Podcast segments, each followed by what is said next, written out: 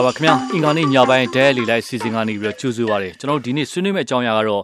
NLD လွှတ်တော်နှစ်နှစ်ပြည့်နဲ့အစိုးရရဲ့စွမ်းဆောင်ရည်ကိစ္စဖြစ်ပါတယ်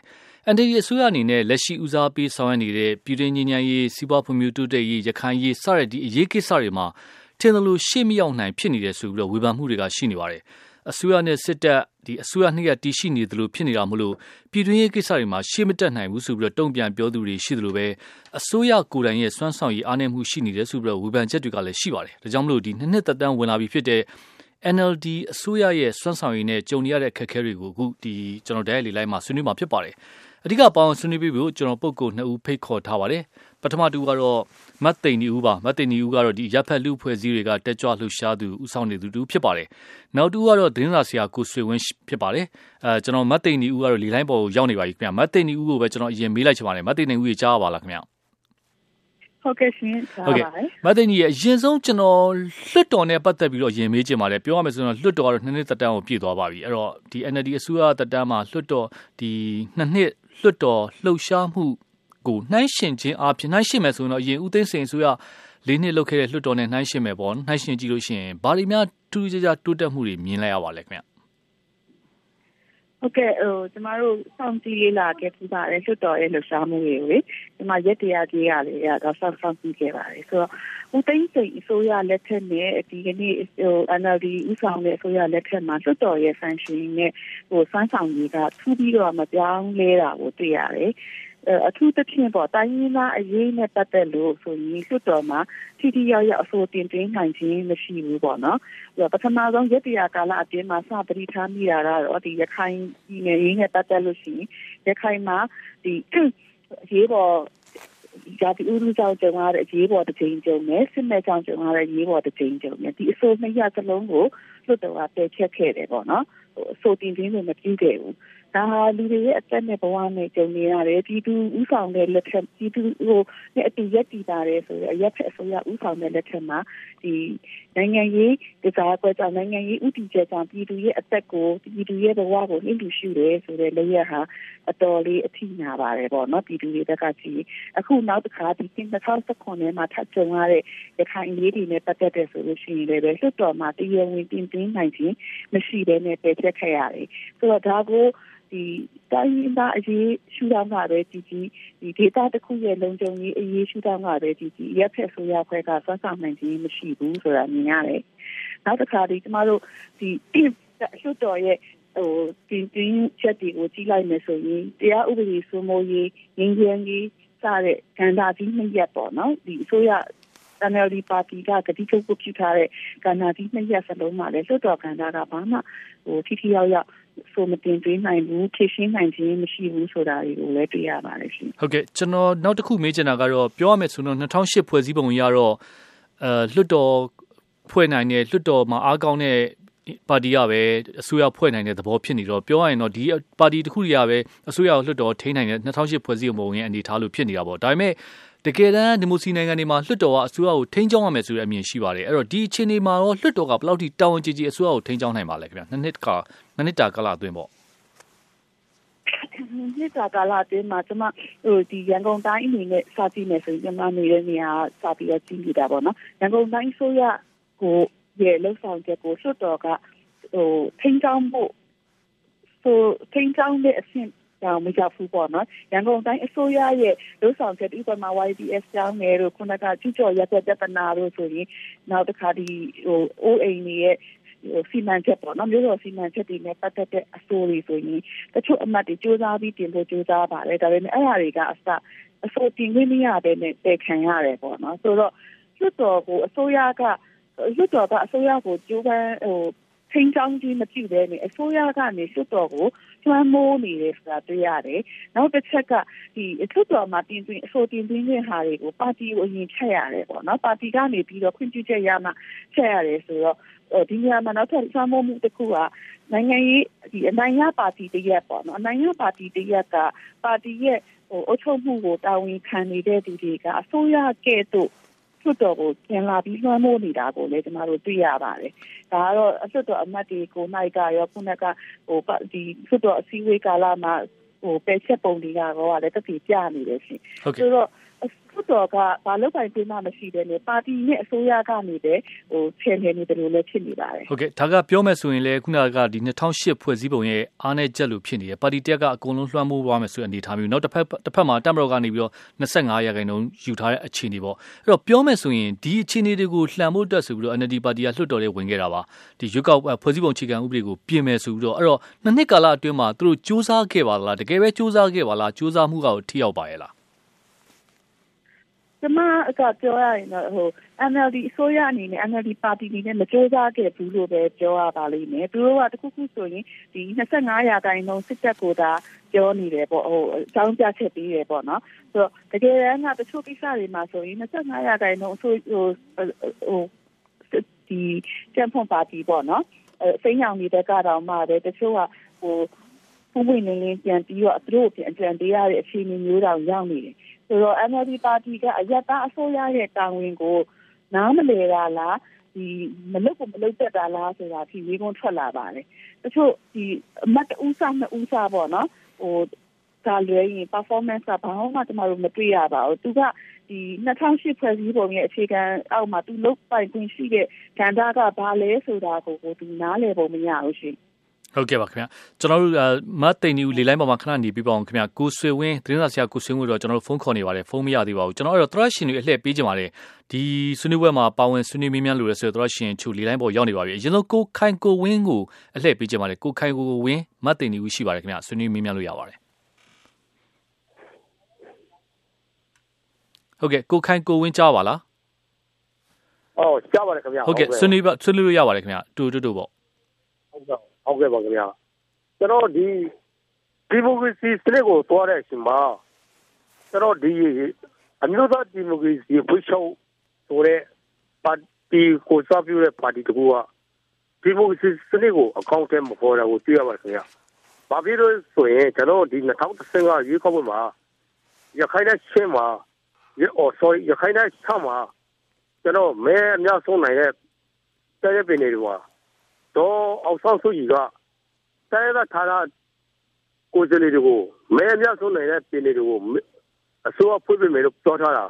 အခုတကယ်ကိုလက်တွေ့မှာဒါကကွဲလွဲမှုလည်းအများကြီးသူတို့ပြောတဲ့စနစ်ကတော့ဒါ2008ဥပဒေရရလောရတာပါဆိုပြီးပြောတယ်ဒါပေမဲ့ဒီဟာဒီဟာသူတို့ရေကောက်ပွဲဝင်တဲ့ကာလအချင်းပိုင်းခြားနဲ့ပြောတဲ့စကားနဲ့လုံးရတဲ့ကမညီညွတ်ဘူးဟုတ်ကဲ့နောက်ပြီးကျွန်တော်ဒီ ဟုတ်ကဲ့ပါနောက်ပြီးဒီကျွန်တော်တို့ရခိုင်ပြည်အစိုးရဖွဲ့ဦးညီမှုကိုကျင်းတဲ့ဆိုမှကျွန်တော်တို့ရခိုင်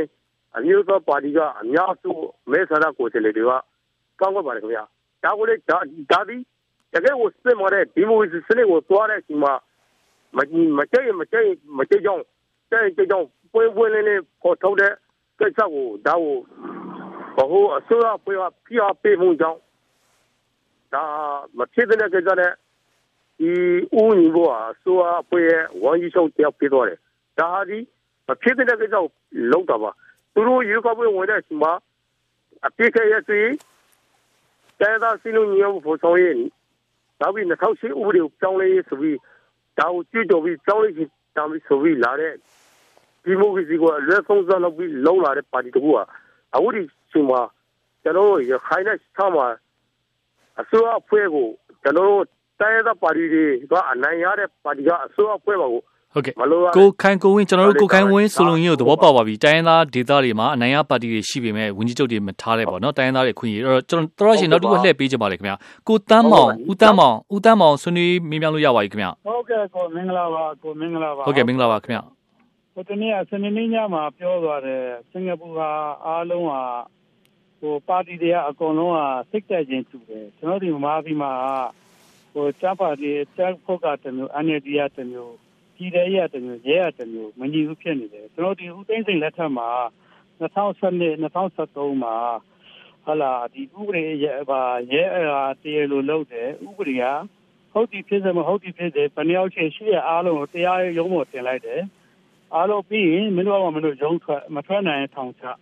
ခုဒီလက်ရှိပါတွေမှာဥပဒေလက်ထက်မှာဟာလာသူ့ တရားခံရစစ်တယ်80ကျော်လောက်ပြန်လွတ်လိုက်တယ်တကယ်တမ်းဆိုရင်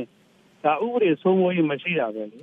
သူတို့လုံရင်တစ်မျိုးမလုံရင်တစ်မျိုးဟိုဒီနေ့ရလာမြောက်ပိုင်းမှာဟိုခုတ်ကံမှာတိုက်ပွဲတွေဖြစ်နေတယ်ဒဒီချင်းပြည်နယ်မှာတိုက်ပွဲတွေဖြစ်နေတာဒါတိုင်းသားပြည်နယ်တွေမှာလေတိုင်းသားပြည်နယ်တွေမှာဟိုဟိုကျွန်တော်ဒီပြည်ထောင်စုလည်းမစော်ကားပါဘူးစစ်တပ်ကလည်းမစော်ကားပါဘူးဘယ်သူပဲဖြစ်ဖြစ်ပြည်သူတွေဖြစ်ဖို့အတွက်အရေးကြီးတယ် ဟုတ်ကဲ့ဟိုမျိုးချစ်စိတ်သက်ဆိုတာကသူတို့လုံးနေတာကဟိုနိုင်ငံကိုချစ်ဖို့အတွက်အရေးကြီးတယ်နိုင်ငံမှာရှိတဲ့လူကဘာသာပေါင်းစုံအားလုံးချစ်ဖို့အတွက်အားလုံးလုံးအောင်မှာဖြစ်တယ်သူတို့အခုဟလာဟိုတချို့ပြောတယ်ကျန်းဖာကျန်းဖာကဟိုတနေ့ကပါတီမှာပြောသွားတယ်မြန်မာမျိုးသမီးတွေကလေးမများဝေးရမယ်ပြောတယ်သူအစ္စလာမ်ဘာသာကမများဝေးတော့ကြသူတို့ကဘာလို့ဝေးလဲဆိုတော့ပုတ်ခတ်တယ် ဒါတွေကဟိုဘယ်လိုပြောမလဲဆိုတော့ဥပဒေအစိုးရကဒါလို့ဟိုပြည်သေးကဟုတ်ကဲ့ဦးတန်းမောင်ပြောတာနည်းနည်းကျွန်တော်ချုပ်ပေးပါအောင်ဗျကျွန်တော်ဒီအမှုတွေလည်းအများအားရင်ဆိုင်ခဲ့တော့လေကိုနည်းနည်းလေးကျွန်တော်လည်းညံဖြတ်ပြောပါမယ်ဟုတ်ကဲ့ ဒီဥပဒေအများအားရင်ဆိုင်ခဲ့တော့ဒီရဲတို့ဥပဒေအရာရှိတို့ကလိုရင်တစ်မျိုးမလိုရင်တစ်မျိုးတရားသူအချက်တည်းဖြစ်အောင်လုပ်ပါလေကိုဥပဒေစိုးမိုးရေးမရှိတာပါကိုဟုတ်ကဲ့အဲ့တော့ဦးတန်းမောင်ပြောတာကိုကျွန်တော်ချုပ်ပြလိုက်မယ်ဆိုရင်တရားဥပဒေစိုးမိုးမှုအားနည်းနေတဲ့ကိစ္စပေါ့နော်ကျွန်တော်နောက်ကို slide ပွေကွန်းဖိတ်ခေါ်ချင်ပါတယ်ခင်ဗျအဲဆွေးနွေးမြင်မြန်လို့ရပါတယ်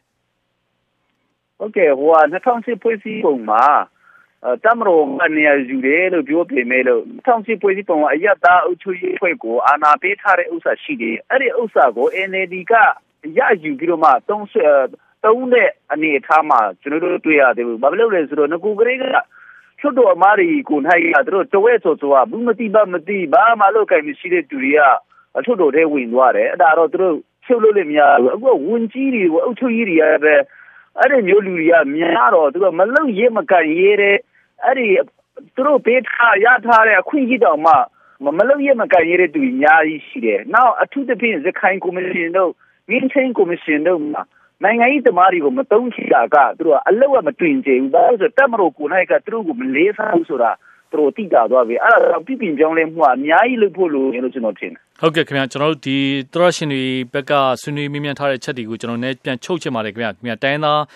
ဒီအခြေအနေပါပါတယ်တရားဥပဒေစမိုးအားနေတာပါပါတယ်ခုနဒီဝင်ကြီးဒီအာနာပိုင်တွေမလို့ရဲမကန်ရဖြစ်နေအဲ့တော့ကျွန်တော်မတ်သိန်နီကိုအလှည့်ပေးချင်ပါတယ်ကျွန်တော်တို့ကိုဆွေဝင်းကိုခေါ်နေတာဖုန်းခေါ်လို့မရသေးပါဘူးခင်ဗျာမတ်သိန်နီဦးကြီးခုနကဆွေးနွေးတဲ့သရရှင်တွေပြောတဲ့ဆွေးနွေးတဲ့ရဆိုရင်လည်းကျွန်တော်တို့ဆိုမကြမကြကြားနေရတယ်ခုနကကျွန်တော်ရှေ့မှာလည်းကျွန်တော်ပြောပါတယ်မြန်မာနိုင်ငံမှာကဆိုးရနဲ့စစ်တပ်အစိုးရနှစ်ရက်လို့ဖြစ်နေတာမဟုတ်လို့လိုတလောက်မခီးမပေါက်ဘူးဆိုပြီးတော့ အာစင်ဂျင်နဲ့တုံ့ပြန်ပြီးတော့ဆွေးနွေးနေတာလည်းရှိပါတယ်တကယ်ရောဟုတ်ပါရဲ့လားအဲ့ဒါကိုလက်ခံပါရဲ့လားဟုတ်ကဲ့ဟိုဟိုပထမဒီတိုင်းဂျာကိုင်းနှုံးပေါ့နော်ဟိုလွတ်တော်မှာအောက်ချုပ်ခင်းရတဲ့ပါတီကြီးရဲ့ကဂျာကိုင်းနှုံးနဲ့ကြီးလိုက်မယ်ဆိုရင်လွတ်တော်နှစ်အစိုးရနှစ်ရရှိနေသလားဆိုကျွန်တော်တို့လည်းအစားတွေးခဲ့မိတာလေပေါ့နော်ဟိုလုတ်ပိုင်တွင်းနေရမတူဘူးလားပေါ့ဒါပေမဲ့ဒီ 2008အောက်ကနေပြီးတော့ဒီအစိုးရလုတ်တော့မယ်လို့ဆုံးဖြတ်ခဲ့ပြီးဒီလမ်းကြောင်းကိုရွေးပြီးဆိုရင်ဘာလို့ဒေါအောင်ဆန်းစုကြည်က2017တုန်းက2008အောက်ကိုမဝင်နိုင်ပါဘူးဒီ2008ဖွဲ့စည်းပုံအောက်မှာမလုပ်ပါဘူးလို့သူပြောတယ်နောက်သိမကြဘူးသူ2017မှာပဲစိတ်စိတ်ကူးကြောင်းသွားတယ်ရုပ်တရက်စိတ်ကူးကြောင်းပြီးတော့ဒါတည်းရွေးကောက်ပွဲရတဲ့စဉ်စဉ်လိုက်တယ်ဆိုတော့အဲ့ဒီကကျွန်တော်တို့ကစောင့်ကြည့်ဒီ2008ကိုကြော်လွားနိုင်တဲ့အစီအစဉ် NLD မှာရှိလာပြီလားပါလာပြီလားပေါ့နော် ရုပ်တရက်စိတ်ကူးကြောင်းရတဲ့အကြောင်းရင်းကဘာလဲပေါ့2008ဒီချက်သေးတယ်2008အောက်မှာလုတ်ပိုင်ခွင့်မရှိဘူးဆိုတော့တိတိကြီးနဲ့ဝင်လာပြီဆိုကြတဲ့က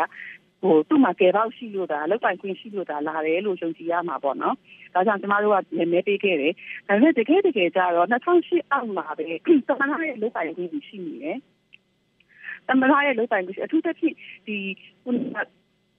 ပြည်ရဲရေးတို့ကာလုံတို့အောက်မှာမဟုတ်တဲ့အရက်ဖက် ဝင်ကြီးဌာနတွေရှိတယ်ဒီဝင်ကြီးဌာနတွေရဲ့ဟိုစွမ်းဆောင်ရည်ကို democratic union အတိုင်းပြင်လိုက်နိုင်ရင်တော့တော်တော်ထိရောက်တဲ့ဟာမျိုးတွေရှိနေအထူးသဖြင့်ပညာရေးဝင်ကြီးဌာနနဲ့စက်မရေးဝင်ကြီးဌာနပေါ့နော်ဆိုပညာရေးဝင်ကြီးဌာနမှာဆိုရင်ဒီဟို NLD လက်ထက်မှာလည်းအထူးရေးဆွဲခဲ့ကြတယ်အမျိုးသားပညာရေးဥပဒေကြောင်းလေးချင်းတို့ဘာလို့ဆိုတာကလည်းရှေ့ဆိုရလက်ထက်မှာလည်းသူတို့ ပတိပေးထားတဲ့ဟာတွေရှိတယ်မအောင်မြင်ခဲ့ဘူးဒါတွေကို NLD နေနဲ့ဆက်လုပ်မယ်ဆိုရင်ပညာရေးခန္ဓာကြီးတစ်ခုလုံးကြောင်းလဲသွားနိုင်တာတွေအများကြီးရှိတယ်ကျန်းမာရေးခန္ဓာလည်းအဲ့လိုပဲဒါပေမဲ့ NLD က2008အောက်မှာမို့လို့ကြက်နေပါတယ်ဆိုတဲ့စင်ကြီးတစ်ခုလေးနဲ့သူတို့ပြနိုင်တဲ့စွမ်းဆောင်ရည်တွေကိုမပြပဲနေရင်းနေနဲ့ကြာလာတော့ဘာဖြစ်လဲဆိုတော့သူတို့ကိုနိုင်ကဒီဟာမှာဒီ2008ကြီးကိုရုံရုံကြည်ကြည်နဲ့2008အောက်မှာပဲလောက်ရတာကိုစိုက်နေပြီလားလို့တော့ကျွန်တော်တို့တန်တရား ဖြစ်လာပါတယ်ပေါ့နော်ဟုတ်ကဲ့ဆိုတော့အထူးသဖြင့်ဒီဒီရင်းငင်းချမ်းရေးကိစ္စတွေမှာဆိုလဲအဲ့လိုမျိုးတွေမြင်နေရတယ်တိုင်းရင်းသားအရေးတွေမှာဆိုလဲမြင်နေရတယ်ပေါ့နော်ဆိုတော့ကျွန်မကဟိုစစိတ်အရာတော့ဟိုအစိုးရနှစ်ရက်ဖြစ်တယ်လို့မြင်ရရှိတယ်ဒါပေမဲ့လှုပ်ဆောင်ချက်အရာကြီးရင်တော့အဲ NLD နဲ့ချက်ဖို့ဟာတရားသေးအနေနဲ့ပဲလုပ်နေတယ်လို့တောင်ကောက်ချက်ချရပါပြီ။ဟုတ်ကဲ့ခင်ဗျာ။ကျောင်းသားတွေကိုတောင်းထုတ်လိုက်တဲ့ကိစ္စမျိုးဆိုရင်ဒါအရက်သားအစိုးရနဲ့ဒီဖြည့်ရှင်းလို့ရတဲ့ကိစ္စလေ။ဟုတ်ကဲ့။သူတို့မဖြည့်ရှင်းနိုင်ဘူး။ဟုတ်ကဲ့မတ်တင်ဦးကျေးဇူးပါကျွန်တော်လေလိုင်းမှာခဏနေပြီးအောင်ခင်ဗျာကျွန်တော်တင်နေဆွေးနွေးမဲ့ကိုဆွေဝင်းကိုကျွန်တော်တို့အခုဖုန်းရပါပြီ။ကိုဆွေဝင်းရေခုနကရှေ့မှာဆွေးနွေးသွားကြတာကတော့ လက်ရှိလွှတ်တော်ကိုအားမရတာတွေအစိုးရနဲ့ပတ်သက်ပြီးတော့တရားဥပဒေစိုးမိုးမှုအားနေတာတွေဆွေးနွေးသွားကြပါတယ်ခင်ဗျာအဲ့တော့ကိုဆွေဝင်းရဲ့အမြင်လည်းသိကြပါတယ်လက်ရှိအစိုးရရဲ့စွမ်းဆောင်ရည်ပေါ့ပြောမယ်ဆိုရင်တော့အစိုးရဘက်ကခံပြောတဲ့လူတွေကတော့အစိုးရနှစ်ရဖြစ်နေလို့လောကကန်ရတော့ခက်ခဲဆွဲခက်ခဲတဲ့ဆိုတဲ့အနေအထားမျိုးပေါ့နော်အဲ့တော့အစိုးရကိုယ်တိုင်ရဲ့စွမ်းဆောင်ရည်နဲ့ပတ်သက်လို့ကိုဆွေဝင်းဝင်းရဲ့အမြင်သိကြပါတယ်ဟုတ်ကဲ့ဒီခြုံပြောရမယ်ဆိုလို့ရှိရင်တော့ဒီ NLD အစိုးရဒီသူထိုက်တဲ့မြတ်သူ ကိုယ်စားညံစွမ်းရှိတဲ့ရှိတဲ့လူအင်အားနဲ့ရှိတဲ့ငွေကြီးနဲ့တမန်တွေကကျူးစားနေတယ်လို့ကျွန်တော်ဒါဒီဘူးအပြင်ပြောလို့ရတယ်ဒါပေမဲ့ဟိုကျင်းတဲ့ကွယ်ရှိလားဆိုတော့ဟိုမကျင်းနိုင်စရာကိစ္စတွေလည်းရှိပါတယ်ခင်ဗျဆိုတော့ကျင်းတဲ့တိုင်မကျင်းတဲ့ဆိုတာကိုပြောမယ်ဆိုလို့ရှိရင်အားလုံးသိတဲ့အတိုင်းပဲဖွဲ့စည်းပုံအခြေခံဥပဒေနော်စစ်တပ်ကရေးဆွဲထားတဲ့ဖွဲ့စည်းပုံအခြေခံဥပဒေကပေးထားတဲ့နော်ဘောင်ကနေပြီးတော့လုပ်ရတယ်ဆိုတာကိုကျွန်တော်တို့ကဘယ်တော့မှမေ့လို့မရပါဘူးခင်ဗျာဒါကြောင့်မလို့ သူ့အဲ့ဘောင်တွေကလုံးလို့မရတာကိုကျွန်တော်တို့တွေကလုံးဝကျွန်တော်အပြစ်မတင်ပါဘူးဒါပေမဲ့လုံးလို့ရတဲ့အပိုင်းတွေကိုတော့ကျွန်တော်တို့တွေကလုံးစေခြင်းနဲ့ဥမာလွတ်တော်မှာတော့ခုနဆွေးနွေးကြလို့ပဲလွတ်တော်မှာကိုကအင်အားကြီးပါတီတည်းဖြစ်နေတဲ့လုံးလို့ရတဲ့အပိုင်းတွေဥမာအဖြစ်ဟိုလူခွင့်ရနဲ့ပတ်သက်ပြီးတော့မှဒီအများပြည်သူဒုက္ခပေးနေတဲ့တချို့ဟာဒီအများကြီးရှိပါသေးတယ်ဒီဥပဒေတွေအဲဥပဒေတွေကိုဖျက်သိမ်းဖို့အတွက်အားတက်စီရောမလုပ်တာတွေတွေ့ရတယ်အဲ့ဒါကိုနော် ကျွန်တော်ကနေပြီးတော့ဟိုဒါစိတ်မကောင်းမှုဖြစ်ဖြစ်မိပါတယ်ခင်ဗျအဲ့ဒါကြီးကတချို့ဟာတွေကကြတော့ဟုတ်ကဲ့တစ်ဖက်မှာခုနကကျွန်တော်တို့ပြောသလိုခုနရှေ့မှာဆွေးနွေးသွားပါတယ် NLD ပါတီကရွေးကောက်ပွဲပွင့်တဲ့အခါမှာဒီဖွဲ့စည်းပုံပြင်ရေးကိုသူတို့လုပ်မယ်ဆိုတာအဲ့တက်ကော NLD ပါတီကထိထိရောက်ကြိုးပမ်းခဲ့ရလားအဲ့တော့ဒီဒါ NLD ပါတီကဒါအစင်တဆိုင်နဲ့သူကဒါကိုပြောခဲ့တာပဲဒါပေမဲ့အဲ့ဒါကြီးကိုလုံးဝဒါဟိုဟိုမလို့ဖြစ်ဘူးဆိုတာ နောက်ပြီးတော့ဒါနဲ့ပတ်သက်ပြီးဘာကြောင့်မလို့ဖြစ်ဘူးဆိုတော့အချက်ကိုပြည်သူလူထုကိုမရှင်းပြဘူးဆိုတော့နည်းနည်းတော့ဟိုတာဝန်မဲ့တယ်လို့ကျွန်တော်တို့ကခံစားရတယ်။ဘာကြောင့်လဲဆိုတော့ဟိုတိုင်းပြည်မှာဖြစ်နေတဲ့ဖွဲ့စည်းပုံအခြေခံဥပဒေဆိုတာဟိုနိုင်ငံရေးပြဿနာတွေမကဘူး။ကျွန်တော်တို့နိတူကပြဿနာတွေဖြစ်ပြနေတာတွေ့ရတယ်။နော်ဒါအားလုံးဟိုအားလုံးသိပါပဲဖွဲ့စည်းပုံအခြေခံဥပဒေပြဿနာဆိုလို့ရှိရင်ဒါဟိုဟိုဒီကျွတ်တော်တဲ့ဒါမှမဟုတ်အစိုးရအဖွဲ့ရဲ့ပြဿနာရဲ့တစ်ခုတင်မကပဲနဲ့ကျွန်တော်တို့နိတူကကျွန်တော်တို့ မြန်မာနိုင်ငံသားတွေဆိုင်နေရတဲ့ပြဿနာတွေထဲမှာပါရိုက်ခတ်နေဒါကိုဘာကြောင့်မလို့အတိုင်းအတာတစ်ခုထိကြိုးစားပြီးတော့မှသူခြေလမ်းမလန်းတယ်လေတော့ကျွန်တော်တို့လူနိုင်တယ်လို့လုံးဝမယ်လို့မဆိုလို့ဒါပေမဲ့ကိုယ့်ဘာကနေပြီးတော့ကိုကြိုးစားမယ်အပိုင်းတွေကိုဟိုတိတ်ပြီးတော့မှအဖြစ်မပြောင်းမကြိုးစားဘူးလို့ကျွန်တော်မြင်တယ်ဒါဒါနဲ့ပတ်သက်ပြီးတော့ကျွန်တော်တို့ကစိတ်မကောင်းဖြစ်နေတယ်ဒါပေမဲ့ဟိုသူ့အခက်အခဲရှိရင်လည်းတိုင်းပြည်မှာ အော်ပြည်သူတိုင်းပြည်သားကိုရှင်းပြဖို့တာဝန်ရှိပါတယ်ခင်ဗျာဟုတ်ကဲ့ခင်ဗျာကျွန်တော်တော်ရှင်တူလှည့်ပေးခြင်းပါတယ်ကိုနေဦးလင်းမလေးရှားနိုင်ငံကိုနေဦးလင်းဆွေးနွေးလို့ရပါတယ်ကိုဆွေဝင်းရှိပါတယ်မတ်တေနေဦးရှိပါတယ်ဟုတ်ကဲ့ဗျာအစိုးရနေရဆိုတဲ့စကလုံးကတော့ဘယ်သူကခေါ်ထုတ်လိုက်တယ်လဲဆိုတော့မသိဘူးပေါ့နော်ဒါပေမဲ့ဟိုအစိုးရတစ်ခုတည်းလားလို့ပြောရရင်တော့လည်းနည်းနည်းတော့ခက်သလိုတော့ဖြစ်နေတာပေါ့နော်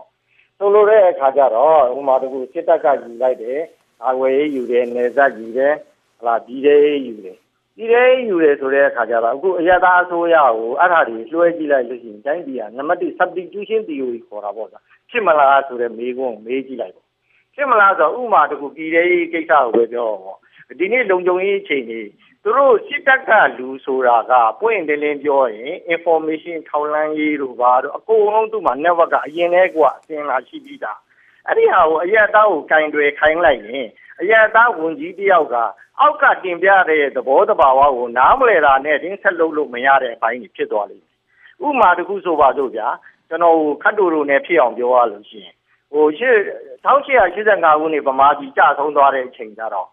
ဒီအောက်ဗမာပြည်မှာနော်ကျင်းတန်းရိုက်တဲ့ daily printer လုပ်တဲ့လူကအမေရိဟွာပေါ့နော်ပြည်တင်ရဲ့လူဖြစ်နေတယ်လို့ information ကိုဗမာပြည်ကထုတ်သမျှ information ကိုစုပြီးသားဖြစ် အဲ့တော့ ဒီလိုအလောက် နိုင်ငံရေးလုပ်တဲ့လူတွေကဒီလောက်လေးတော့နည်းနည်းမြင်တတ်ဖို့တော့ လိုလိမ့်မယ် စင်ကာပူလို တိုင်းပြည်မျိုးမှာကြတော့ information ကို ကျွန်တော်တို့ ဒီလိုဟလာဧည့်ချင်းကောက်တာမျိုးနဲ့စောက်တာ မဟုတ်တော့ဘူး ကျွန်တော်ဥမာတခုဆိုပါဆိုကျွန်တော်နာမည်ပြောင်းမယ် အိမ်ပြောင်းမယ်ဆိုတာနဲ့ တနည်းအားကြီးရင်လိုက်တာနဲ့ ကျွန်တော် ဘယ်ရောက်နေတယ်အစားသူတို့ trade လုပ်လို့ရတယ်ဟုတ်ကဲ့အဲ့တော့ကိုဒီနေဦးလိုလေးနဲ့ချုပ် network ပေးပါကိုကျွန်တော်တို့ တိုင်းပြည်မှာ မရှိသေးတဲ့အတွက် တချို့ ကာကွယ်ရေးနဲ့ ပတ်သက်တဲ့ဟာ နယ်စပ်နဲ့ ပတ်သက်တဲ့ဟာ လုံခြုံရေးနဲ့ပတ်သက်တဲ့ကိစ္စတွေမှာဟိုဟာပေါ့အစိုးရနေရာဖြစ်တယ်ဆိုတော့တိုက်ခိုက်တဲ့စကားလုံးမျိုးဟာမသိကြရောဘူးလို့ကျွန်တော်ထင်တယ်ဗျဟုတ်ကဲ့ပါခင်ဗျကိုနေကိုနေဦးလင်းကျေးဇူးပါခင်ဗျကျွန်တော်ချိန်လည်းမရတော့နည်းလေးချုပ်ပြီးတော့ကျွန်တော်တို့မေးလိုက်ပါမယ်ပေးနိုင်ဆွေးနွေးတဲ့လူကိုအရင်ဆုံးကျွန်တော်မတ်သိန်ဒီဦးကိုပြန်ဖိတ်ခေါ်ချင်ပါတယ်မတ်သိန်ဒီဦးကြီးကျွန်တော်လည်းတိုးတိုးမေးချင်တာကပြောမယ်ဆိုရင်တော့အခုဆိုနှစ်နှစ်တာကာလလွှတ်တော်ရဲ့နှစ်နှစ်တာကာလရောက်ပြီ NLD အစိုးရရဲ့နှစ်နှစ်တာကာလရောက်ပြီမတ်သိန်ဒီဦးလည်း NLD အစိုးရကိုထောက်ခံခဲ့တဲ့လူလို့ခုနရှိမှပြောသွားပါတယ်အဲ့တော့အခုလှုပ်သွားတဲ့နှစ်နှစ်တာကာလအတွင်းမှာကျင်းတဲ့အားရမှုဘယ်လောက်ထိရှိလဲဘယ်လိုများခံစားမိလဲခင်ဗျอืมဘုရားလေးပြောရရင်အဲ့ဒီအစိုးရရဲ့ဥပဒေမှာပေါ့နော်ဒီ political leadership အပိုင်းမှာရောနိုင်ငံရဲ့ governing ကိုခေါ်တဲ့စီမံခန့်ခွဲမှုအပိုင်းမှာရောဒါကမှတစ်ချက်ကလေးမှကိုအားမရပါဘူး ဟုတ်ကဲ့ဟုတ်ကဲ့ကျွန်တော်ကိုဆွေဝင်းကိုမေးလိုက်ချင်ပါတယ်ခင်ဗျမတ်ကျွန်တော်တို့ဟိုဟုတ်ကဲ့ပြောပါနောက်နှစ်မဲပေးဖို့ process လေးဟောဒီပေါ့နော်ဟုတ်ကဲ့ပါဟုတ်ကဲ့ကျွန်တော်ဒိုင်လီလိုက်စီစဉ်ချိန်လဲစစ်သွားလို့ပါမတ်သိန်နီဦးကိုဆွေဝင်းကျန်တဲ့သောရှင်တွေအားလုံးကျေးဇူးအများကြီးတင်ပါတယ်ခင်ဗျာကျွန်တော်ဒိုင်လီလိုက်စီစဉ်ဒီမှာပဲရန်နာခွင့်ပေးပါ